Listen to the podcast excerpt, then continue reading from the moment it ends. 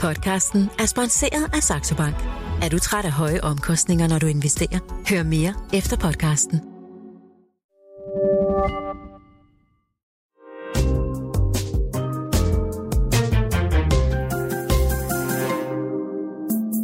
Millionærklubben fra Jørgen Vester med Sara Jolin.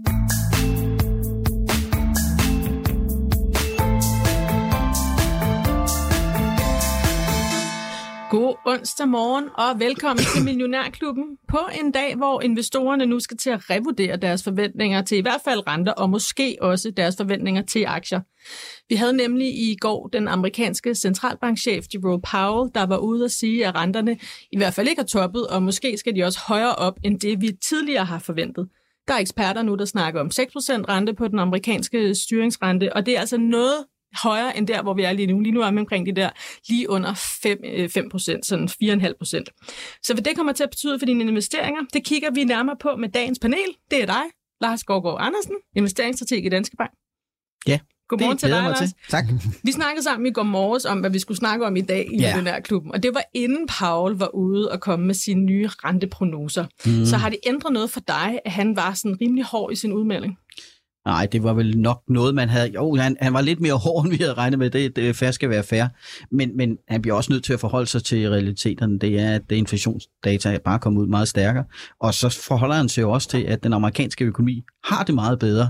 Så det der med at kunne være lidt mere hawkish, det kan man jo faktisk godt tillade sig, hvis økonomien har det godt. Det var noget andet hvis det var, det var så havde han måske ikke kommet med den samme udmelding. Det, det, det spuker måske ikke så meget, som hvis det allerede var, økonomien var i knæ, og så gik han ud og sagde, nu skal jeg bare vide, vi kommer altså til at hæve renten endnu mere. Så man kan, han kan godt slippe af med det på en eller anden måde, øh, ved at sige det nu her. Men det, jeg synes altså, det er dødsens forvirrende for, for markedet, fordi det er kun en, ja, en, en måned, halvanden måned tilbage, hvor han sagde til det sidste centralbankmøde, mm. at der var begyndt at være disinflation, og der var i hvert fald tegn på, at vi måske var ved at være på en rentetop. At det var i hvert fald sådan, markedet læste, ja. Og lige pludselig så hører vi, at vi er slet ikke færdige. 6 procent er inden for en overskuelig horisont. Ja. Øh, og det er den periode, vi er i. Øh, vi er i den her periode, hvor vi går fra recessionsfrygt til inflationsfrygt, recessionsfrygt til inflationsfrygt, og sådan kommer det til at være. Det er en flyvetur med masser af bump på vejen, indtil vi på et eller andet tidspunkt lander eller får lidt mere klar udsyn, og der ikke er så meget jetstrøm. Det er det, det, er det vi er udsat for i øjeblikket. Ja, landing, eller hård landing, eller blød landing, eller ingen landing, eller der er i hvert fald meget snak om landinger. bare for at blive det der luftfartsterminologi. Vi elsker jo at rejse for tiden, så lad os blive Så der lad os blive der. Også, øh, godmorgen til dig, Michael Friis Jørgensen. Du er Godmorgen. jo fast forvalter her i Millionærklubben Ja. og aktiechef hos H.C. Andersen Capital. Ja. Du har været på ferie, nu er du tilbage igen hos os. Yes, yes, yes, yes. Er det dejligt at være tilbage? Ja, det er super. Det er super. Der sker jo i hvert fald noget. der, sker, der sker rimelig meget, det må vi sige ja til. Hvis- Og, og, og jeg synes jo lige til, til at kommentere dine, øh, hvad fanden sker der, nu må han da tage sig sammen, ikke? Vi er, vi er dataafhængige, vi har centralbanker, der er dataafhængige lige nu. Når dataene ændrer sig, så ændrer deres syn sig. Altså du ved, at vi vil gerne vil have, at de måske kunne være lidt mere stabile, og dataene var lidt mere stabile, men, men sådan har det jo ikke været. Altså, vi havde jo hele januar, hvor, hvor det var, hvor hende guldlok, hun vendte tilbage i markederne, ikke? Altså du ved, fordi Altså inflationen kom med nedad, høj og vi, vækst og lav, og lavere renter. Og... Le- altså relativt, lige præcis den rigtige type af vækst til, at inflationen er svagt stigende, og renterne ikke kommer opad, men, god, men en rimelig god økonomisk vækst. Mm. Det var de data, vi fik i januar, så det var da klart, at vi alle sammen begyndte, altså der var ikke noget usædvanligt i den måde, vi handlede. Så begyndte februar, og så begyndte dataene virkelig at komme hot ind, det vil sige virkelig stærke ind, mm. altså de makroøkonomiske data.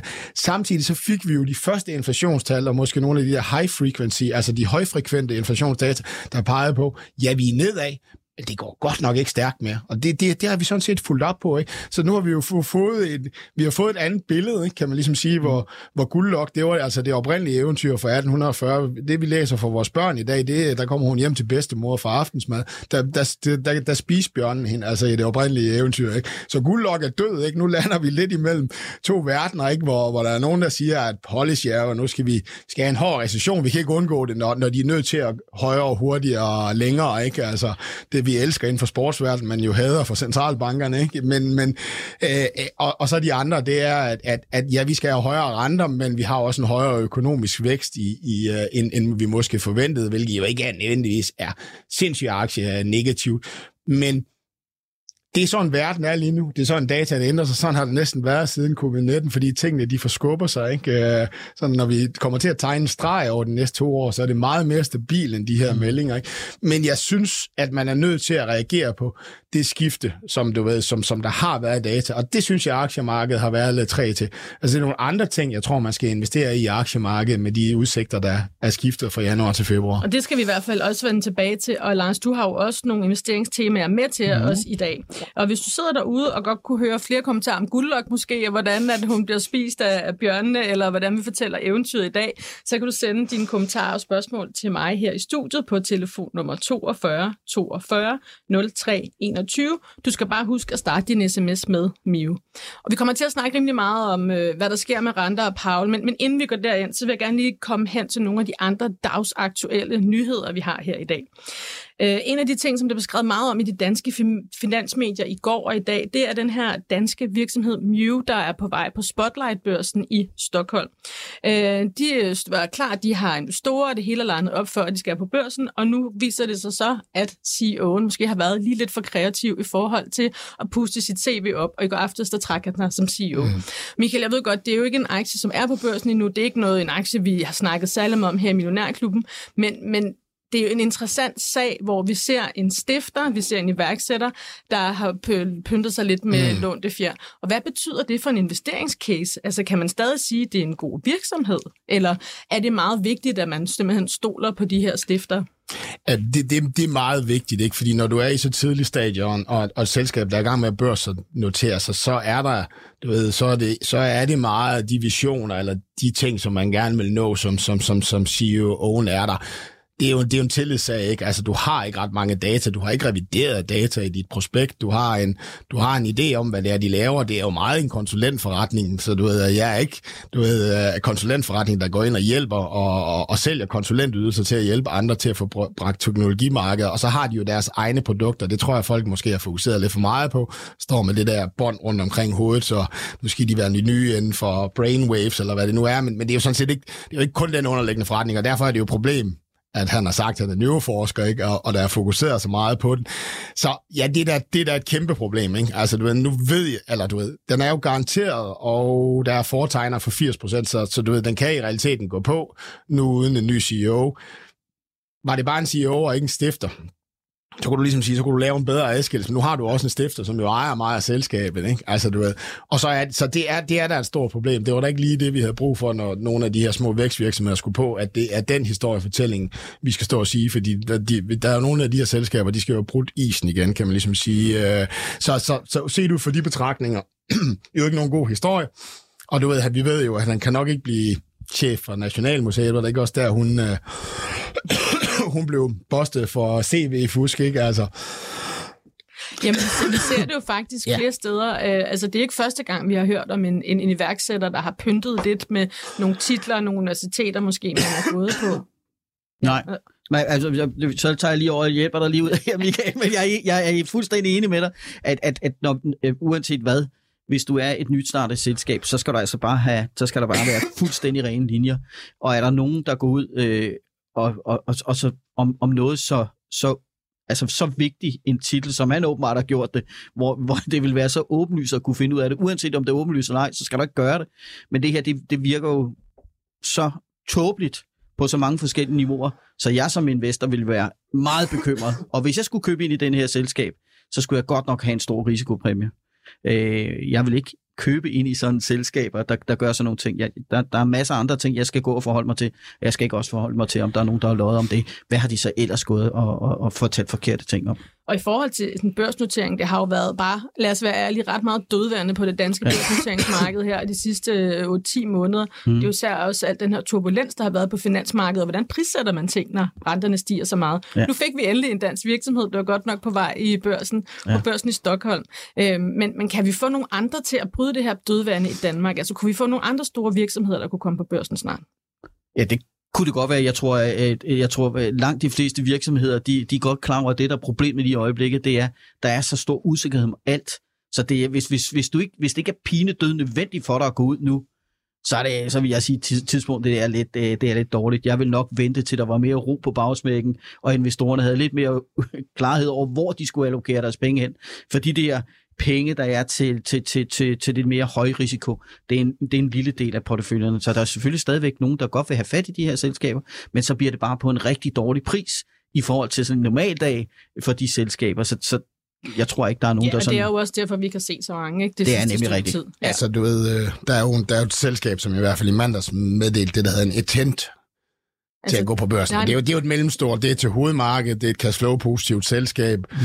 Uh, så, så, så nu må vi jo se, om de går på, så kan vi jo begynde at snakke om det. Men, men det er jo ofte der, isen skal brydes. Det er, at der kommer sådan et mellemstort selskab, og, og så kan man ligesom sige, i det her miljø, jamen der er der jo tydeligt, at der er mange, der har flynet op ned i vækstsegmentet, men, men det er rigtig svært at gå på nu med, med, med et rentemarked. Det er man jo rigtig afhængig af. Vi ser jo også en, vi ser det jo også andre steder i USA. Altså det, det, det er relativt, altså den liste, du ved, jeg så ved årets indgang, som sådan, du ved, af mange af de der selskaber, der er ikke nogen, der har meddelt i hvert fald nu, at nu gør vi det, ikke? Altså, og så, så har vi jo den anden tendens, jo måske mere, vi skal diskutere, det er jo rent faktisk afnoteringer. Altså, du ved, det er jo selskaber, der nu bliver købt af af kapitalfonde, fordi at at privatmarkedet, altså der, når du sidder som privat virksomhed og siger, jeg skal have solgt noget af min virksomhed, jeg skal have fundet min vækstjourney og så videre, ikke? og jeg har en pris op i hovedet, og aktiemarkedet, den ligger markant under den pris. Privatmarkedet, den ligger over den pris. Ikke? Ja. Så det er jo, nogle gange så har du prisforskellene her.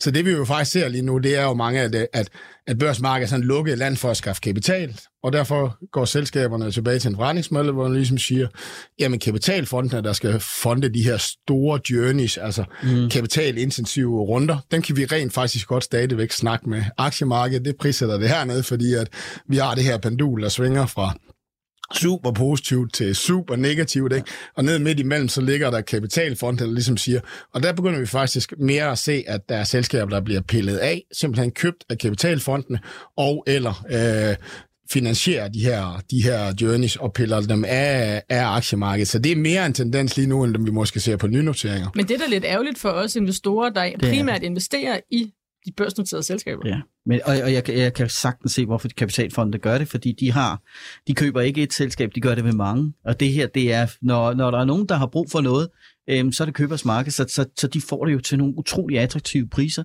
øh, for fat i nogle, nogle selskaber, der, der har det svært, fordi det her, det er en periode, hvor hvis ikke du har de her super stærke cashflow, jeg vil sige, hvis det er, det er et selskab, der kommer, der ikke er et vækstselskab, som har stærke cashflow, som har styr på balancerne, så tror jeg faktisk godt, man kunne få en god pris, fordi det er det, vi alle sammen sidder og leder efter. Det er sådan nogle, vi gerne vil have. Men altså, de her andre selskaber, de har problemer med måske at skaffe kapitalen. Det er ikke bare lige sådan at få fat i det, og det du skal betale, hvis du skal ud og have lån eller obligationer, så bliver det altså meget, meget dyrt dyrt, eller du skal udvande din aktiekapital ellers, så går du hertil, og så får du øh, pengene på den her måde. Så øh, desværre så dør der rigtig mange små selskaber i den her periode, medmindre de bliver købt op af nogle kapitalfonde.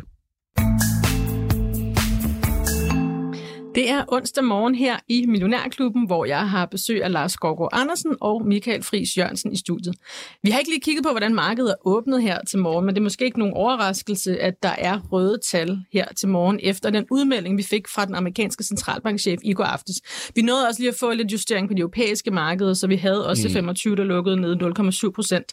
Øh, men, men grunden til, at jeg egentlig også siger, at vi ikke har så store fald, det er, fordi det undrer mig faktisk lidt. Hvis vi for et års tid siden havde fået en forventning om, at nu går vi fra en lav rente til vi skal op i 6% på den amerikanske styringsrente, så vil markedet jo flække midt over. Det fik vi også lidt i 2022, mm. men i dag er det jo rimelig stille. Hvorfor er det, markedet ikke reagerer mere voldsomt på de her udmeldinger?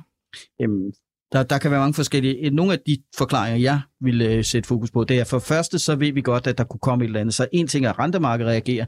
Det kan jo godt være, at aktiemarkedet har været nervøst upfront. Det var det så ikke, det faldt i går. Hvor meget skal det så falde herfra, hvis det er, at man begynder at indregne, at man er tæt på en peak i renten? Det kan selvfølgelig godt være, at der stadigvæk er lidt mere at give af. Så skal du så fortsætte til af. Og så er det vigtigt, at dem, der handler det her marked, hovedparten af dem, der handler det her marked, det er ikke langsigtede investorer langsigtede investorer, de sidder og kigger, okay, hvad er det lige, der foregår her? Er det her noget, vi tør sælge på? For, for, for 14 dage siden, der skulle vi købe, fordi der var data vores vej. Nu skal vi lige pludselig, fordi Paul han er ude og er lidt mere hawkish i tonen, nu skulle vi måske sælge, så de gør ikke noget. Og dem, der så driver markedet, det er meget, meget kortsigtede investorer, der ligger og handler nogle, noget momentum, noget kvant.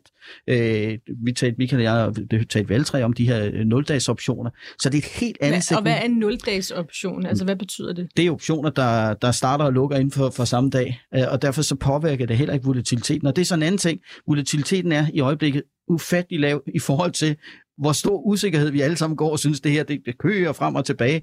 Øh, og volatiliteten er utrolig lav, og det gør også, at sådan store institutionelle investorer, som har risikobudgetter, de bliver heller ikke tunge til at sælge fra. Så er der ikke nogen, der bliver tunge til at sælge fra, endnu i hvert fald, fordi volatiliteten er lav og så sidder man bare og venter på, hvad sker der her. Så, så laver man sådan et stockpick, som, oh, okay, der er noget, der har det lidt bedre. Det kan godt være, at vi skal have lidt øh, cyklisk forbrug. Det har vi ikke rigtig haft noget af. Forbrugerne har det lidt bedre. Det kan godt være, at der kommer en recession. Det gør det jo altid på et eller andet tidspunkt. Men de har det altså lidt bedre. Der skal vi have samlet lidt op. Så, så der, du ser sådan nogle, sådan nogle små områder, hvor der er et eller andet. Der er nogle investorer, der bliver opportunistisk på setbacks. Og det er lidt den tendens, vi har set her på det sidste, der bliver købt lidt på setbacks. Så Lars, for dig her over den seneste måned, nu havde vi jo så Paul i går, der var lidt hårdere i tonen end forventet. Mm. Vi har haft nogle inflationstal fra USA, som ikke var helt, øh, hvor de ikke var faldet helt mm. Så meget, som vi havde regnet med. Vi har haft et arbejdsmarked, som jo bare bulrer ud af. Har det været en game changer for dig, de her ting samlet? Ja, det har det været, at jeg er gået fra at være bekymret for recession på kort sigt, til øh, nu har jeg sådan en anden bekymring, det er den her inflation. Og, jeg, og, og, og det vi sådan, vores vurdering af det, det er, at den vil aftage, men det, der overrasker lidt, det er, hvor stikket den er, altså hvor, hvor svært det er at få den ned. Øh, det tror vi stadigvæk, den kommer. Øh, den skal nok komme derned. En ting, man også skal huske, øh, når Paul han taler til de mennesker, han taler i går, så, så er det også et signal til dem om, at nu skal I altså holde fingrene for, for, for kasseapparatet. I skal ikke gå ud og give mere til denne her økonomi. Det skal man også tænke lidt på. Det er jo der, han har vinduet for at sige, det er det sidste, vi har brug for. Hvis I begynder at tænke på, at nu skal I Altså, og, hvem, mere... og hvem er de, der ikke Jamen, skal det er jo de amerikanske politikere. Han taler jo til de amerikanske politikere i den her høring. Så når han er ude af sådan yber hawkish, så er der også et signal om, at I skal holde igen. Det nytter ikke noget, at I har lyst til at gå ud og give alle mulige tilskud til økonomien. Nu bliver I også nødt til at holde igen. Det vil være det, jeg også tog ud af det. Så han har det her vindue, og husker lige at minde en hel masse mennesker om, at, at det skal I gøre. Og når han siger sådan nogle ting, så er det også et signal til selskaber, det er et signal til amerikanerne, om at det her, I skal lige til at slappe lidt af. Uh, slappe lidt, øh, ja. Og, og, og Michael, altså du har jo indtil videre her i Millionærklubben jo reddet med på den her bølge 2023, som startede for rygende. Du er op 20 procent, men det sidste stykke tid er måske ikke set sket så meget. Og du ligger faktisk med 20 procent kontanter. Kontanter gør jo ikke rigtig noget. Mere, mere, tror jeg. Mere? Ja. Men kontanter gør jo ikke rigtig noget godt Nej. Nej. for dig, andet end at de bliver et op af inflationen. Nej. Har du ikke mod på at komme ind i markedet og samle lidt op, eller det her, vi hører fra Paul, har det simpelthen også skræmt dig væk? Nå, men du ved, jeg, altså, jeg, jeg har jo synes, at markedet har handlet mod øh, dataen i de sidste tid, og det, og det kan vi meget længe, og lad os nu, altså, du ved, når vi står her, så tænker for, uh, du ved, øh, skal vi 20 procent ned? Altså, nej, altså, du ved, corona, vi vidste ikke, om vi nogensinde fik åben verden igen, kraftigt ned. Inflationen er gået amok, vi ved ikke, om den stopper på 10, vi ved ikke, om den stopper på 15, altså, du ved, deroppe er klart et aktiemarked, du ved, der, der, der har et kæmpe udfaldsrum. Renter højere? Ja, fordi økonomien også er en lille bitte smule bedre, ikke? Mm. Du ved, vi skal have fundet det der middel der, ikke? Så, så du ved, det er ikke en katastrofe det her, men renterne nok er lidt for dyre i forhold til aktiemarkedet, ikke? Altså du ved, hvis vi begynder at indregne, og det, vi skal jo ikke indregne 5 og 6 procent som er styringsrenten, fordi den 10-årige, som jo den, vi måler den mod, kommer jo til at ligge meget lavere, fordi vi er jo slet ikke i tvivl om, at går han til 6 eller 7, så sender han verden i recession, og så... så Men nu du, siger du det sådan meget skråsikkert. Vi er jo ikke i tvivl om, at hvis han gør det. Hvis jeg havde sagt til dig for et år siden, Michael, mm. der Fed stadig havde en rente på 0, Ja. og om et år så er renten 5%, så ville du også have sagt, vi ender helt sikkert i en recession. Ja, men jeg tror, at aktier ligger vel... Ja, ja, ja, ja, men det, ja, ja, ja, ja, ja, men det skulle vi. Og, og det har vi jo sagt længe. Ja. Altså, der, hvor- det, det, vi har misset, det er jo, hvor stor opsparingskvoten er hos, ja. Hos forbrugerne. Og misser vi, at den lige pludselig er væk, og så er det en klippe, ikke? Fordi to, renterne, altså, der, der hvor vi tager fejl her, det er jo et, amerikanerne lægger 90% i fastforrentede lån. De kan ikke købe og sælge deres huse. Du ved, de kan ikke flytte, mm. de kan ikke lave det, de gerne vil, amerikanerne. Men de er ikke hårdt ramt på deres økonomi, fordi de fastforrentede, det var vi ikke i finanskrisen. Det er et marked, der går i stå, det er en recession i husmarkedet, du ved, det er priserne osv., men amerikanerne er ikke sindssygt hårdt ramt. Så du ved, rentevåben, der hvor det starter, det starter i husmarkedet, og så knaller det hele vejen ned igennem økonomien. Ikke? Mm. Det har bare ikke været effektivt den her gang på grund af det her. Ikke? Så har vi, okay, det andet sted, det er effektivt, det er, når kreditgårdkælden går fra 8% til 20%, hvilket er sket. Ikke? Jamen amerikanerne har en opsparingskode, de lige skal have brugt først. Så derfor så har vi jo det med, at, at, at den amerikanske økonomi er jo ikke så rentefølsom, og det er jo også derfor, at vi har en no landing, øh, begynder vi så stille og roligt, ikke? Altså, øh, og det var derfor, vi har det her rentespænd mellem den toårige og den 10-årige, som nu er tilbage på, hvad? Ja, det var 100 punkter, jeg læser her. 100 punkter, ja, det, er, det, nu er vi har jo ramt, men det, det burde jo også sige... Det fortæller, normalt, at 9 ud af 10 ud af 10 gange, så har vi ramt en recession. Det er jo ja. det, er det, vi økonomer, vi kan, ikke? Altså, ja. Men er det anderledes den her gang? Ja, og Lars, hvad tror du? Altså nu siger Michael, altså hvis vi får 6-7 procent på den amerikanske styringsrente, så ender vi i hvert fald øh, i, en, i en recession. Tror du, økonomien kan kapere så store rentestigninger? Øh, nej, så på et eller andet tidspunkt, så kommer den til at give sig det, der er mit point, det er, at jeg, skal jo, jeg, jeg, jeg ved jo ikke, hvad der kommer til at ske. Det ville være rart, hvis man sådan vidste, hvad der kommer til at ske. Og det har vi sagt hele tiden. Der, når, om, om tre år, når vi er på den anden side af lavpunktet, så kan vi fortælle, hvad det var for en. Var det en blød landing? Var det en recession? Hvor dyb var recessionen? Alle de her ting, men vi står midt i det, skal se fremad. Så det, du skal gøre, det er, at du skal, du skal vide, der er store udfald. Så skal du være, sørge for at være investeret stadigvæk, og men, så skal men du også, men, men Michael, han, han siger jo lige, at han ligger mere end 20 procent i kontanter. Ja, ja, det er også vi, vi kommer jo lidt ind på, at det er fordi, jeg er i gang med at lave en flytning fra min januar, mere end at det, det er et negativt Okay, den vender syn. vi tilbage til. Ja, jeg har været på ferie. ja, jeg har på ferie, ja. ja men jeg, jeg, jeg, jeg, jeg mener, det er rigtigt, at du går ind og kigger på det, der har performet. Og, øh, ligger du i, i meget dyre vækstaktier, øh, selskaber, der har høj gæld, øh, og, og som skal ud nu og refinansiere sig selv, jamen det skal du bare ikke ligge i. Altså uanset hvad. Du bliver nødt til at buckle op og få noget kvalitet ind i en portefølje, som jeg har talt om tidligere. Og så må du leve med det markeds, den markedsusikkerhed, der er. Det, hvis markedsusikkerheden er høj, som den er nu, så skal du ikke lægge 100% i aktier. Det er i hvert fald ikke vores råd. Det er det ført næsten aldrig. Men, men så, må du have nogle så, ligge... så skal du have nogle obligationer. Altså du kan købe øh, korte obligationer, hvor du får 3,5% eller sådan noget. Amerikanerne kan gå ud og købe en obligation på 8 måneder, der giver dem 5%. Altså, der er også ligesom... Ja, og hvis jeg kan få 5% på 8 måneder, hvorfor skal jeg så overhovedet købe aktier? Aktier ja. kommer jo med meget mere risiko. Ja, og muligheder. øh, og det er det, der er i det. øh, så, så det er også noget af det, der ligesom holder folk tilbage. Så selvfølgelig ryger der rigtig mange penge ind i obligationer. Det gør også bare, at øh, mange nye kan komme ind faktisk og få tilladelse at have aktier, fordi så har du obligationerne og aktierne sammen. Øh, så, så, så der er mange flere, der begynder at investere øh, i det her, til trods for, at det er så usikkert, fordi du også kan bygge nogle modeller, hvor du får de her øh, balancerede porteføljer, hvor du får nogle faktisk ret, ret attraktive afkast. Og Lars, du, inden vi, vi snakkede sammen i går, der, mm-hmm. inden Paul kom på banen, der havde du øh, sådan, jeg har kogt det ned til fire øh, punkter, fire investeringstemaer, som man godt kunne kigge lidt på. Ja. Øh, og det siger du så, det har ikke ændret sig, fordi vi nu står måske over for en lidt hårdere amerikansk centralbank. Så lad os løbe nogle af dem igennem, fordi at selvom det er usikkert lige nu, så er der nogle steder, hvor du siger, det kan jeg faktisk godt betale sig at investere. Ja. Ja, og hvad er det første? Vi snakkede om, om Kina og ja. emerging markets. Ja, at, og det, det bunder op i, at øh, jeg skal være investeret, så jeg skal vælge at investere mine penge et eller andet sted, hvor jeg måske tager en lidt højere risiko end at ligge her i Europa og USA. Det er ved at købe op i emerging markets. Det er kendetegnet ved, at det er børser og lande, der ikke opfører sig ligesom os. Øh, årsagen til, at jeg synes, det, det, det kunne være rigtig interessant at kigge på det lige i øjeblikket, det er, at vi er sådan midt i en periode, jeg tror, vi er lige ved at komme hen over det der bump, hvor der er top politisk fokus negative ting, øh, headlines, som gør, at folk bliver super, super bange omkring det her. Der er etårsdagen for Ruslands invasion i Ukraine, og så har vi den her øh, kongressen ude i Kina, hvor der kom flyver rundt med retorik fra amerikanere og kineser, og det skal være noget, der er, der tager overskrifter nu. Sådan nogle store events tager overskrifter. Og så er det helt naturligt, at der er nogle investorer, der bliver lidt nervøse. Vi har også renterne, der kører op, øh, der, der, der også presser lidt ind i emerging markets. Jeg tror, det er en ret god mulighed for, hvis ikke du er kommet med, at gå ind og få købt noget emerging markets, hvor det er Kina, der, der sætter gang i økonomien. Og det er ikke fordi, de går ud og overrasker med endnu højere væksttal. De klarer det helt selv, og det er noget, der kommer ind for de næste 1-2 måneder. Der forventer vi, at den her, at man endelig kan komme ud af sit covid, man er over humpet, man kan begynde at bruge penge, og det booster deres økonomi, og det vil vi så kunne se her de næste par måneder. Men vi har jo set kinesiske aktier faktisk stige rigtig meget siden oktober ja. til nu. Ja. Men, men de har så haft en, en pause her på, øh, for, for en 14 dage siden, så begyndte det, da der kom alt den her støj med Rusland, Kina, eller Rusland, og skal kineserne sætte våben til, til Rusland, og sådan noget. men, men det jeg siger, det er, at det er noget, jeg vil forvente, at der kom noget politisk støj på grund af de her to events, etårsdagen for invasionen, og så den her kongres. Og så kan du være uenig med mig eller ej, men, men jeg, det er jo sådan nogle ting, jeg kigger på, at er det noget, jeg kunne vurdere i min i min, med, med al den viden og, og historik, jeg har, så ja, det kommer til at ske en gang, men det er netop sådan nogle events, hvor det kommer til at ske. Det er sådan en mulighed for, at du går ind og siger, jeg tror, de vil accelerere økonomien, og så er det nu, man går ind og køber noget af det. Og hvordan køber jeg det? Skal jeg købe mig direkte ind i nogle kinesiske selskaber? Skal det være en ETF, eller er der nogle europæiske virksomheder, hvor jeg kan få den her eksponering? At du kan du kan sådan set gøre det hele. Det, det jeg vil sige med, med den usikkerhed, der er, jeg, jeg, jeg mener jo, at man skal virkelig vide, hvad man gør, hvis man begynder at købe op i en enkelt aktie i Kina.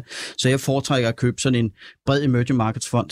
For en gang skyld. Ikke, ikke kun kinesisk fond, men nej, altså noget, der tager nej. hele udviklingslandene ja, med. Fordi at jeg ved ikke, der kan være perioder, hvor måske Kina ikke er så interessant, så skal du have mere i Indien, og så skal du Korea og et eller andet. Og for en gang skyld, så er det ikke en ETF. Der må man altså betale sig for, der er nogen, der skal gøre det for dig. Og så er der stadigvæk noget luksus. Jeg synes også, der er noget forbrug i Europa, der har det godt, for luksus også ligger ind i.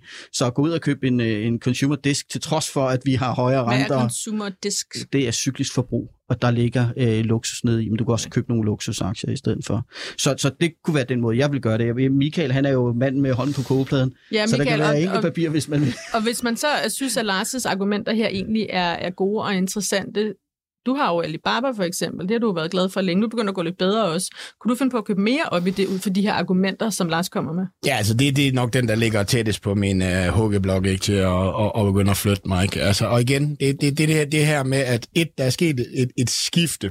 Uh, så der er nogle af de ting, jeg startede året med, som jo var raketter. Du ved, jeg havde taget chancen og sagt, jeg tror faktisk, at alle tager fejl på, at året starter hårdt, og det bliver anden halvår, afkastene kommer. Godt, jeg skal lægge aggressivt. Det er jo nogle af dem, jeg har solgt. Og du ved, nu skal og jeg hvad gen... Har, og hvad har det været for jamen, jamen, det har været C2AI, det har været sådan meget tech, det har været Berkshire Grey, som har, du ved, altså havde jeg solgt den på toppen, så havde jeg tjent 200% i min nærklub, der er noget, jeg jo aldrig hen, jeg turde jo ikke mere, jeg har solgt dem jo 80% op. C2AI, C2AI, og altså misforstå mig ikke, det var nogle af de der ting, hvor jeg havde taget det der sats på en eller anden måde, strukturelt langsigtet, kunne jeg godt se på. Så nu er det den her flytning. Og, og kinesisk, og, og når jeg så siger flytning, hvorfor har du ikke bare flyttet, når du solgte den anden? Det er fordi, at jeg ligger i det her skisme her, hvor jeg ligesom siger, at jeg vil jo have, noget, jeg vil jo have noget afkast for at tage, gå lidt imod markedet. Ikke? Jeg gik imod markedet i årsstart. Alle sagde, aktier, det bliver hulens til i første halvår og anden halvår. Nej, jeg er uenig. Og så får jeg faktisk en afkastmulighed, hvis jeg tager den der, ikke? Fordi det var, mm. der var virkelig priset negativitet ind. Nu har vi det modsat. Jeg synes jo længe, at vi har været for ligeglade med renterne af stenen. Vi har stadigvæk købt det samme private. Elsker deres tech, og de private sammen med ODT driver, har drevet markedet her i år start. Godt, nå, men så skal jeg, jeg skal have noget andet. Andet er også sten. Så der er ikke det her klare billede. Så nu, så er nu kinesisk aktie, og jeg synes, pause, det synes jeg, det, det var et pænt ord for, de for, de sidste, for den sidste måneds tid. Øh, det synes jeg da ikke, jeg kan se på min alibaba Så nu er de faldet tilbage, og det er de af gode grunde. Altså, du ved, den her politiske retorik, den er jo virkelig, virkelig taget til. Mm. Uh, så der skal du virkelig passe på. Du skal jo sørge for noget, der er noget, der er støttet i Kina.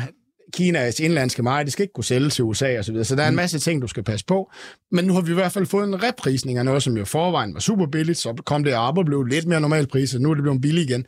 Så jeg får en, jeg kender udmærket min risici, jeg kender udmærket den her retorik, men jeg synes, jeg begynder at få en okay prissætning igen, ud fra, at jeg tror, at Kina, når der nu sagde 5% af verden blev bange, og olien skulle nedad, så tror jeg faktisk, de kommer til at lande højere. Altså, jeg tror, vi har set det her i Europa, når folk bliver sluppet fri af covid-19, og vi ser højfrekvente data. Er vi ikke sluppet fri af covid-19? Jo, jo, men, men, men da vi så det i Europa, oh, ja. hvor vi, ej, altså, så vil, bliver det heller ikke. Jo, det gør det øh, i økonomierne. Ikke? Øh, vi ser det højfrekvente data i Kina på togrejser og alle mulige ting, øh, og vi ser det i, i outbound, altså i udenrigsrejser. Altså, der er ikke noget, der tyder på den her forsigtighed, der var hos kineserne. De er lidt for høj gæld af ejendomssektoren. Den ved vi ikke helt, hvor de fik sig endnu. Og den anden del, det er tech-sektoren. Bliver den sluppet fri? Det gør den nok, fordi økonomierne skal have det. To, det vi ser på den her partikongres, det er jo den her krig med USA, hvor, hvor Kina for første gang åbent siger, ved du hvad, I prøver faktisk at føre en teknologikrig med os. Vores svar er, nedlægge en masse af de her regulatoriske myndigheder, ændre dem, fordi nu skal vi have styring på vores egen indlandske. Ligesom USA, de kan opbygge en chipsektor, så skal Kina til at bygge en helt egen teknologisk infrastruktur alt fra chips til alting, for de kan ikke regne med verden, og det er den verden, de nu går ud i. Og der får de brug for deres øh, tech-giganter for at lave de her ting. Ikke? Og derfor, de her ting lagt sammen, velvidende risikoen, men endelig ser jeg nogle fald her, det kunne godt få mig til at hæve lidt af min, i, i min Alibaba. Øh, og det er meget specifikt, og det er meget risikabelt, og, og du ved, men, men prissætningsmæssigt en rigtig billig aktie, sindssygt stærk cashflow, og så siger jeg, du får jo aldrig nogen penge ud af Kina. Ved du hvad, de køber aktier for 75 milliarder. Jo, der er rigeligt penge, der kommer ud af Kina fra den aktie. Ikke? Så du ved, øh, så ja, den, det er en af de steder, hvor jeg begynder at kan se, at jeg kan få noget afkast for at tage noget risiko. Hvornår køber du den så, Michael? Lige nu ligger den i omkring øh, lige knap 90 dollar. Jamen, Ja, den ser nok ud til at åbne i 85. Du ved. I, I mit eget hoved, der, der har jeg sagt til mig 95-90, og så kan jeg jo godt kunne se, at ah, det er ikke lige den rigtige nyhedsstrøm, der er inde i det. Husk nu at få købt lidt, Michael, når nu du har sagt ja, niveauer, det er også, kommer til jeg har sagt til mig selv 85. 85, så det er måske i dag, du køber. Ja, det er det Så måske. vi kan samle op på det, i hvert fald i Millionærklubben i næste uge. Ja. Det er godt.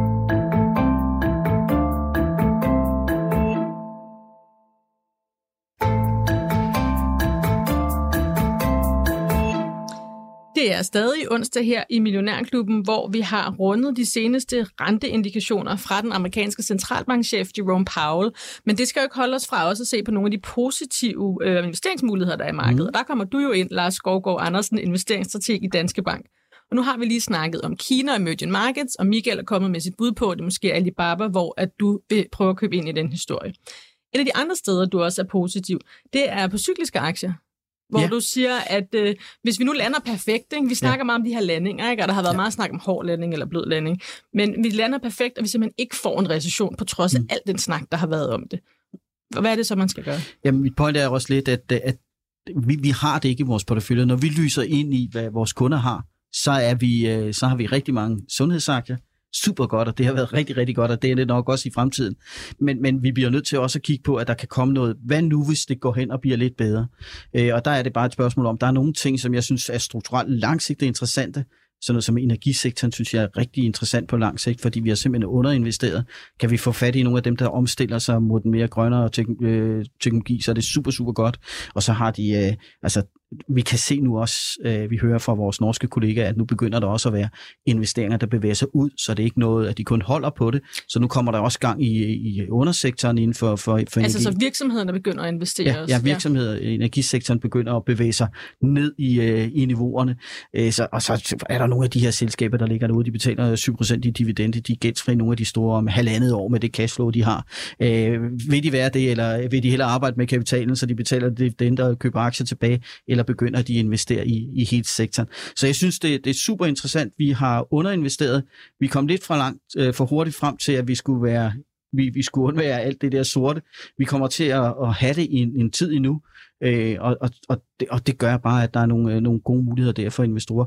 Kommer Kina til også, øh, vi kan begynde at se dataen, de begynder at slå igennem derude, jamen så tror jeg også på, at der kommer et, et, et rebound i energipriserne nu her, så det vil også være med til at understøtte den. Det er et, et spørgsmål om, at hvis du ikke har det, så bør du, du bliver nødt til at dække dig af mod det. Det er ikke sådan, at du skal sætte alt på det her, men det er sådan en, prøv nu at få kigget på jeres portefølje, det mangler man. Vi mangler nogle råvarer, øh, Jeg har øh, kover, som vi har talt om tidligere, det er en langsigtet strukturel trend. Den er nok kørt meget på noget af det, vi allerede ved. Men det, der er det positive, hvis du kigger på råvaresektoren i Europa, den består også af kemi, øh, og det gør den sådan på globalt set, så er der rigtig meget kemi, og det har sådan været en, en hemsko for mig. Jeg kan ikke gå ud og kalde for miner, andet end når jeg står herinde, og så siger jeg, at jeg synes, det ser godt ud. Hvis jeg skal for sektoren, så skal jeg også styr på kemi, og der har vi altså nogle energipriser, der er banket godt i hullet. Øh, og det der Og er... Energipriserne er det er ret vigtige for, for Ja. kemi, fordi Ja. man bruger meget ja, naturgas, når man Ja, skal udvikle de her produkter. Øh, og der, der tror jeg, at altså, der er nogle af de her selskaber, de har lavet lange kontrakter, så det er ikke sådan, man lige ser det her nu, men der tror jeg virkelig, der kan være nogle muligheder også, kan vi holde os på de her niveauer. Så derfor så begynder råvaresektoren også at være interessant, og noget af det, vi var bekymret for for et år siden, der er der altså noget, man lige skal begynde at kigge ind i, okay, har de begyndt at reagere på det, eller hvis ikke de har begyndt at reagere på det, Michael, så skal du altså have kigget på det. Så kan der være nogle af dem, der bruger noget gas, øh, ja, men ja. øh, som, som kan være nogle muligheder. Så det er sådan noget med det, og så, så, så synes jeg også, der er noget cyklisk forbrug, det er også noget, vi har kastet ud med badevandet, vi, vi, vi, vi kommer til, at vi har ikke nogen penge, og vi har ikke lige så mange penge, som vi havde sidste år. Det er helt sikkert. Vi har mistet reel løn, øh, så vi har færre penge. Men jeg tror, vi er overrasket over, at øh, nå, var det bare det med den gas. Jeg ved godt ikke, det bare var det, for der er mange, der har haft det rigtig svært. Men der er også mange, der lige pludselig får penge tilbage, og vi begynder sådan at sige, komme op af hullet. Kan vi se, Bank of America var ude og sige, at øh, de forventer faktisk, at bilsalget kommer til at accelerere nu her. Øh, så, så der er nogle muligheder derinde, hvor der er nogle områder, som Så vi har været lidt fy. Så Ja. cyklisk forbrug, det er Ja. ja. også biler, bare lige for Netop, at vi alle sammen... øh, Ja. Ja, og der fik du så også luksus, så hvis du køber en ETF på europæisk cyklisk forbrug, så får du faktisk også luksus med, som er noget, jeg godt kan lide på baggrund af Kina. Så det var faktisk det tredje tema, jeg har med her for dig. Det er jo forbrugerne, som okay. Du siger, at, ja. øh, at dem skal man ikke være så pessimistiske på, som man måske har været. Og du er lige gået fra en dobbelt undervægt til neutral ja. Ja. på cyklisk forbrug. Ja. Det er jo også noget af et spring, du har taget der. Jamen, det, det har vi jo været nødt til at gøre, fordi at, at det, det ikke blev helt så slemt. Økonomierne har det godt. Det viser sig, at amerikanske forbrugere har det bedre, europæiske forbrugere har det bedre. Selvom vi ikke har det lige så godt som for et år siden, så har vi det altså lidt bedre, end vi gik og frygtede. Og det gør bare, at der er nogle af de her selskaber, der, der kan... Det, det, det, det, det er ikke rigtigt at have en dobbelt undervægt. Du, vi har en neutral vægt.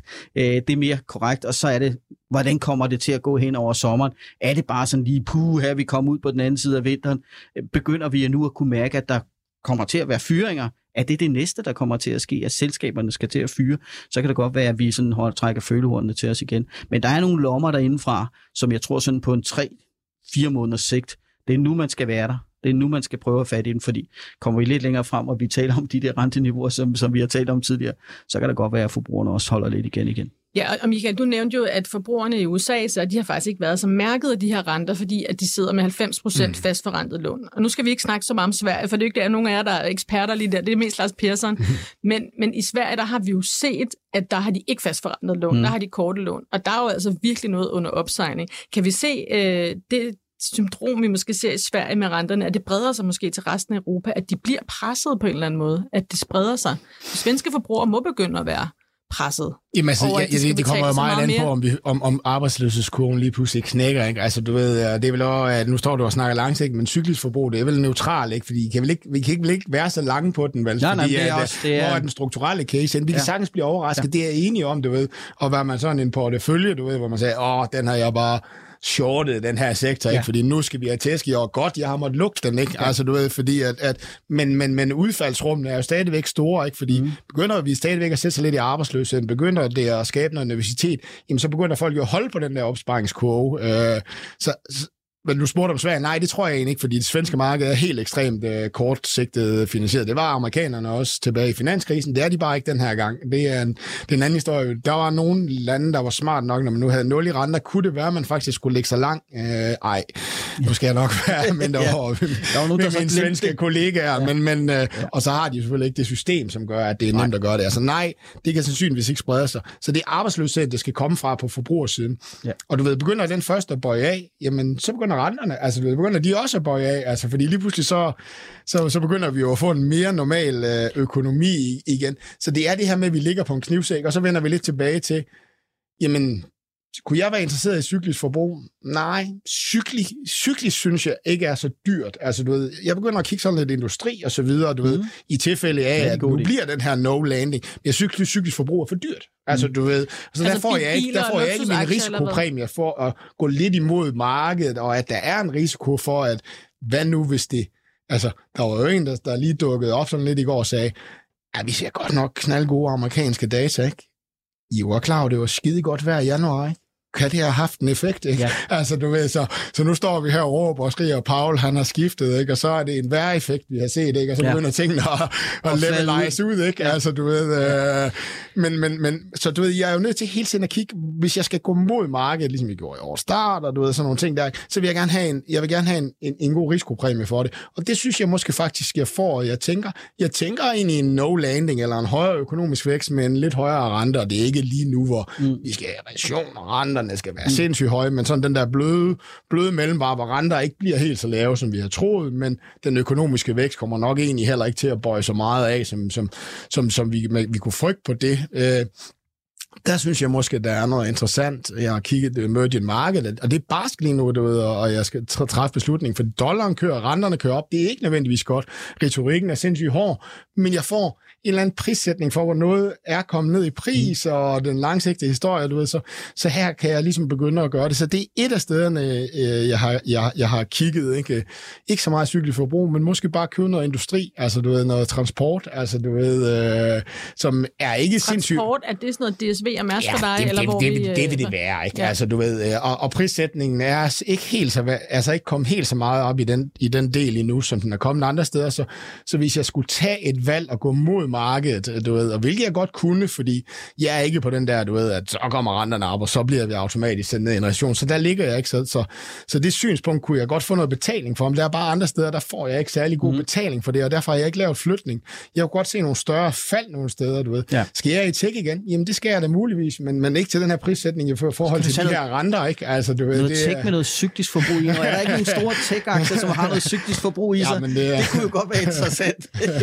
Men, Lars, og det, øh, så nu har vi snakket om øh, emerging markets, øh, Ja. kinesiske aktier, vi har snakket de cykliske aktier, og så har vi snakket forbrugerne, mm. altså blandt andet øh, luksus og biler. Og så er der noget helt andet, det er det her øh, AI, Artificial Intelligence, mm. og ChatGPT, og det er jo noget lige pludselig begyndt at snakke meget om alle sammen, fordi mm. at ChatGPT er begyndt at fylde almindelige mennesker, kan også lige pludselig forholde sig måske lidt mere til kunstig intelligens. Mm. Er der investeringsmuligheder der, eller er det simpelthen kørt op nu, og det er for sent at komme med på det tog? Jeg, det, jeg tror, det var en af årsagen til, at jeg var meget overrasket over, at, at tech kunne fortsætte med at køre så længe, når man så, hvordan renterne kørte. Det var fair nok, de kørte lige i starten af året, øh, men, men at de blev ved med på de her renteniveauer, det overrasker mig lidt. Men, men man bliver nødt til at forstå, at der skal investeres ufattelige summer i at træne de her maskiner. Så det kan være en årsag til, at det holder noget momentum. Jeg vil sige, øh, og det var der, der var en årsag til, at jeg sagde noget tech med noget forbrug indover. Altså, i min verden er jo det, at vi får en vækst, øh, OK vækst, men, men med renten på et højere niveau, men sådan, den ligger og kører, sådan, måske ikke stiger så meget. Hvis lige snart den begynder at flade ud, eller begynder øh, at, at sætte sig lidt, så vil tech-aktierne være interessant, de store tech-aktier. Så jeg synes, der er et eller andet derinde. Hvis du gerne vil være med på det her chat-GDP, og jeg synes, der er noget af det, der, der virkelig er stukket for meget af på den korte bane, så kunne du gå ind og vælge og sige, okay, jeg ved ikke, hvad det er. Jeg køber bare en tech-fond. Nu køber jeg bare tech, fordi jeg vil godt hedge mig mod, at øh, økonomien har det godt, men hvis den begynder at bøje lidt af, så tror jeg, det er noget af det, der kommer til at, performe godt. Du kan Kunne, også kunne gå ind det og være købe... sådan noget som, sådan, jeg ved, iShares har en, der hedder Automation and Robotics. ja, det kunne også være en udmærket Men den måde. er jo også kørt meget Ja, op, og der kunne og- man jo være bange for, at man kom for sent. Ja, og det er det, der er problemet. Det er, at alt, hvad du gør lige i øjeblikket, det er i hvert fald meget modsat det, Michael han gør. Det øh, er en rigtig god måde, den han kigger på det. Du skal premieres for de her ting. Men hvis du vil ind i det, så er det det bedste, synes jeg, at gå ind og købe en eller anden bred fond, og så sige, så ved du godt, at det er hypet, så skal du så ikke gå ud med, med, med en, en 100% position. Så tager du 25% i den, fordi det er også vigtigt, at man ligesom siger, at det her det er noget, jeg tror på lang sigt. Der er jo ikke nogen af os, der ved, hvad der kommer til at ske. Hvad nu hvis uh, non-farm payrolls på, mand, uh, på fredag kommer ud lidt blødere end regnet med, så skal du bare se, så begynder de lange renter at falde tilbage. Boom, Ja. så stikker tech af igen. Så, så gå ind og tage lidt af det, men køb det sådan lidt bredt, og så kunne du gå ind og vælge sådan en iShares, øh, som, som er den deres Automation Robotics. Så det, som, som jeg blev skudt i skoen, ja, men det er masser af industri, og det kan vi føle os godt lide lidt af, øh, men 70 procent af det, det er altså nogle af de her software-selskaber. Så jeg synes, det er en super god øh, langsigtet hvis, tendens. Hvis du tror på det her, så er det de her ting, der rykker. Og det er noget, der har været der længe, og mange tror jo, at det her øh, ChatGPT, at det er noget nyt, og AI er helt nyt. AI, altså kunstig intelligens, har vi haft meget lang tid. Selskaber bruger det. Novo bruger øh, AI. Øh, alle bruger det her. Alle store selskaber bruger det. Nu er det bare det next level, vi kommer til, hvor det bliver sådan bredt ud til masserne, øh, kan man sige. Og der kan det virkelig tage et kvantespring. Så det er noget, du tror på. Jeg tror på det. Jeg tror på det, og jeg tror på, at du skal passe på med, hvordan du investerer på i det. Jeg tror også på, at der kommer noget regulering. Og jeg tror, vi skal passe rigtig meget på, hvordan vi kommer til at bruge det. Ja, for der er vel også en risiko for, at vi står med sådan noget, alt hvad der handler om AI. Det er jo lidt ligesom øh, slut 90'erne, start 0'erne. Hvis det hed noget med .com, så fik aktiekursen Ja. lige 50 procent oveni. Ja. Eller da blockchain blev meget populært. Hvis man bare puttede blockchain på bag. navn i, ja. Øh, man kunne hedde noget med fertilizer blockchain, og så Ja. lige pludselig så steg Men, aktiekursen der, men der er en 50 forskel den her gang, fordi dengang, der, havde, der havde vi lige opfundet, der, der internettet var stort set opfundet. AI har jo været en kæmpe bølge i, i 10 år. Ja. Det, der er sket nu, og lad mig nu prøve at forklare det med sådan en som C2 AI-aktien. Det resultat, han kom med, det han sagde, de sidste par gange, der har det sendt aktien 20-25 procent ned, og den har handlet omkring 10. Nu siger han det samme igen. Han begynder at se muligheder. Virksomhederne begynder at investere i, i det, der hedder Recognitive AI, som er det, den virkelig laver. Mhm. Og så kom han med en okay guidance. Ikke? Jeg kan bare fortælle dig, at det er så egentlig en rigtig dyr aktie. Den er ved at være dyrere end Snowflake og sådan noget. Men aktiemarkedets reaktion, før vi har hørt om ChatGPT, det var at sende hans aktie ned, hver gang han kom med de her regnskaber, den kære Thomas Siebel, til omkring kurs 10 og en 20-25 procent ned. Fordi der er ingen vækst lige nu, for han er i gang med at skifte sin forretningsmodel. Så skifter vi lige. Vi har hørt om ChatGPT. Og ja, man siger jo egentlig også, at selskabet de begyndte at være rigtig interesserede i det her regenerative AI. Vi sender lige aktien 30% op og handler omkring kurs 30 i stedet for. Mm. Den eneste forskel, den eneste forskel, det er, at dig og mig har nu for første gang hørt om ChatGPT. Altså, jeg havde ikke hørt om ChatGPT, men jeg har hørt, jeg selvfølgelig kigget på AI meget, mm. meget lang tid. Øh, så det er forskellen. Og hvad er forskellen, hvis den forsvinder? Så er det næste gang, han står og snakker selskaber, og han ikke er vokset på sin toplinje, men han siger, at mulighederne er store derude, så er investorerne pisser ham ligeglade med, ja. hvad han siger. Så det, er lige, det var et eksempel. To, der er sket, og der er sket et paradigmeskift, og det kommer til at gå rigtig, rigtig stærkt. Hvor kan man købe det henne?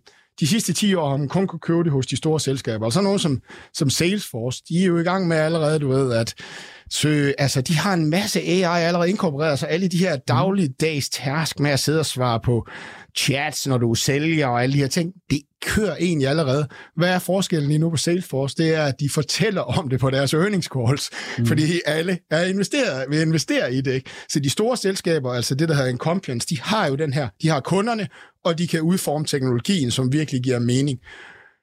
Det er der, det har kørt de sidste 10 år. Der kommer så til at være nogle små vækstselskaber, fordi at den bliver så meget større, den her teknologi nu, der lykkes med. De er rigtig svære at spotte. Jeg har prøvet mm. med C2AI, da den var sindssygt billig. Det er der ikke mere, fordi nu er den rigtig, rigtig, rigtig dyr, og det kan sagtens være forkert, fordi det er en af de der transformative selskaber. Jeg er bare helt sikker på, at jeg får en mulighed igen meget, meget billigere end her, når først uh, sentiment de skifter. Ja. Så det er de store tech-giganter, der kommer til at leve af det her, og det bliver den næste sådan vækstbølge sandsynligvis hos dem.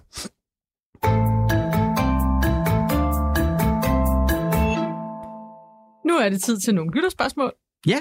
Til Lars og Michael her i studiet. Og hvis du sidder derude og gerne vil stille vores aktieeksperter her nogle spørgsmål, så kan du sende dem til mig på telefon nummer 42 42 03 21. Du skal bare huske at starte din sms med Miu. Og der er allerede kommet nogen ind, og det er blandt andet Christoffer. Han spørger om, hvad I siger til en Feds fund rate, altså styringsretten i USA, på 7%. Og nu nævnte vi det lige, mm. ikke? Mhm. Altså, vi forventer måske 6% nu. 7 kunne måske også dukke op på et tidspunkt. Vi skal have højere rente end inflationen ifølge historien. Betyder det så, at Goodluck er totalt udelukket? Ja, jeg tror, Goodluck er død.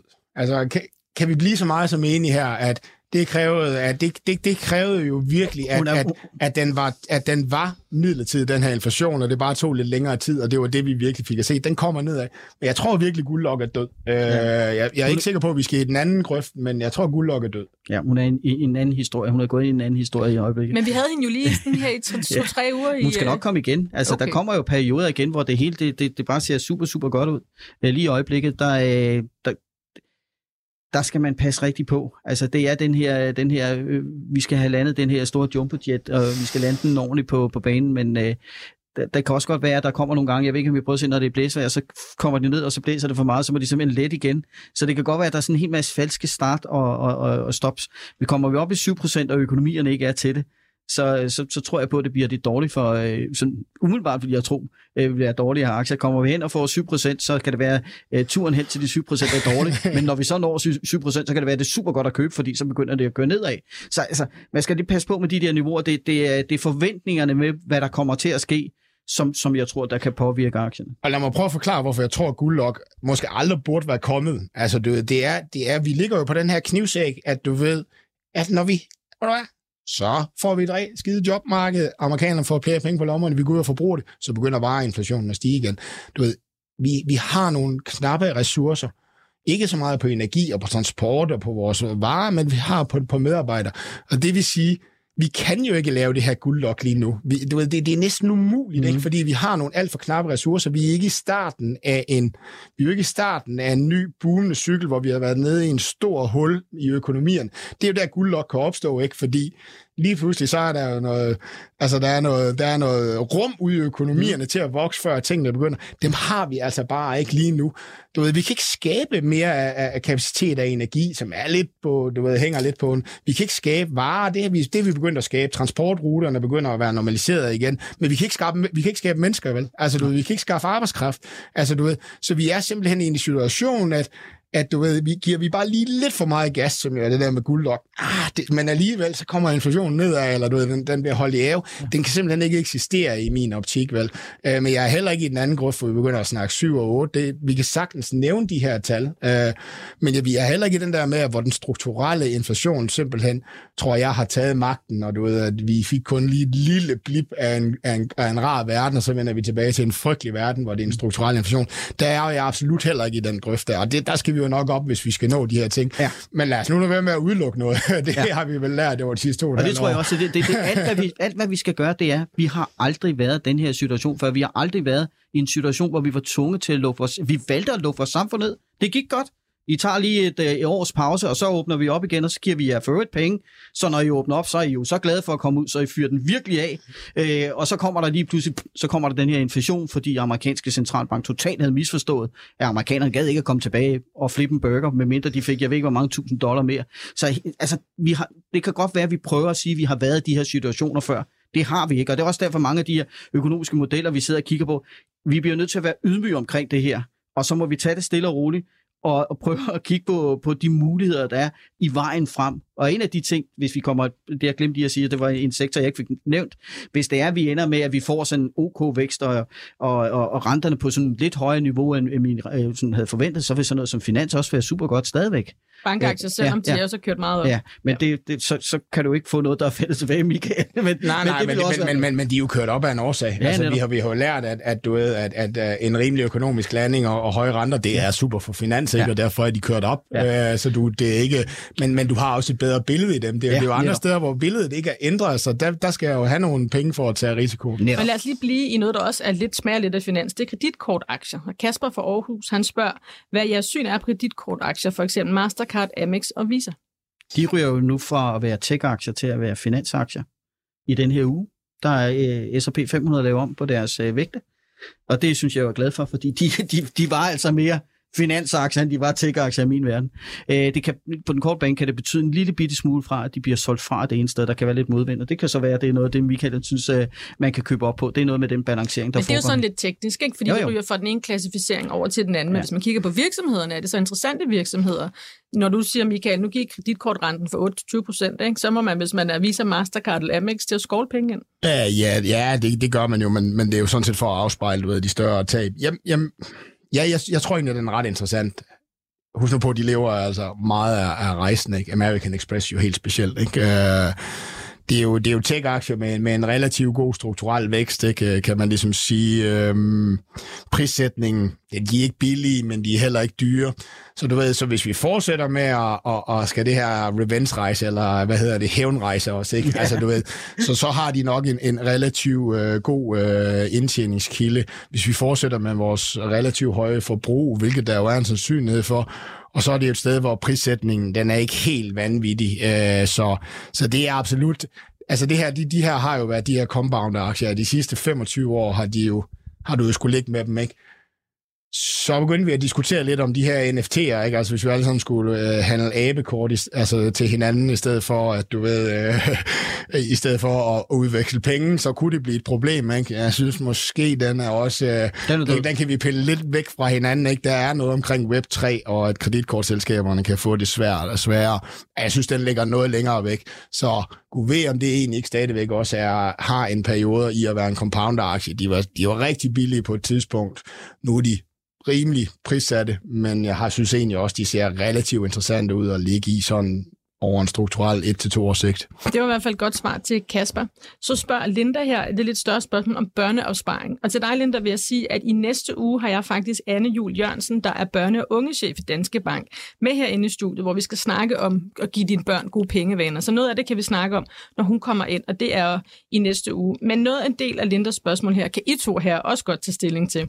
Øh, det er nemlig, hun, Linda her, hun vil gerne investere for sine to børn på tre og et år. Det er de nye aktiemarked.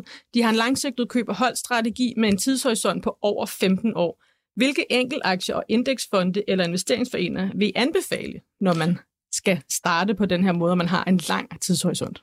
Jamen jeg vil sige, øh, medmindre du har rigtig mange penge, du putter i det, så køber du aktiemarkedet. Altså bare så en global, global aktiefond? indeksfond. Og du skal, du, skal ikke, du skal ikke være bekymret over alt det, vi står og bekymrer for. Du skal bare komme i gang over tid, og så skal du sige det ind hver måned. Du skal heller ikke prøve at time det. Du skal ikke sidde, nu er det godt, og nu er det skidt. Lav sådan en, hvor du sætter ind hver måned, og så køber du det, vil jeg gøre.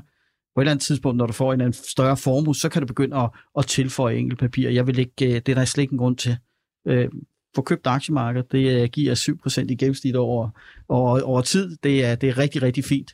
Øh, og så kan du vælge enkelte aktier senere hen. Det vil være mit råd. Og så er det altså lige meget, man gør det her 8. marts, eller man venter 1, 2, 3, 4 måneder for at se, hvordan inflationen og renterne udvikler sig. Det er, det er bedre at være investeret og være bekymret, end at være så bekymret, så du ikke er investeret. Og især når man så måske har en tidshorisont på øh, over 15 år. Ja, det er, det er jo luksus. Det er, det er alt, hvad vi når her i Millionærklubben i dag. Øh, tusind tak, øh, Lars Skovgaard Andersen fra Danske Bank for at være med i studiet, og tak til dig, Michael Friis Jørgensen, for at være med som sædvanlig her om onsdagen. I morgen er det Signe Tab, der er tilbage som vært her i Millionærklubben. Og så vil jeg også bare lige huske at sige til, øh, tillykke, nej, tak til Jens Marot og Rasmussen, som har været vores øh, producer i dag. Og til alle jer derude, der hører Millionærklubben, I må have en rigtig dejlig dag.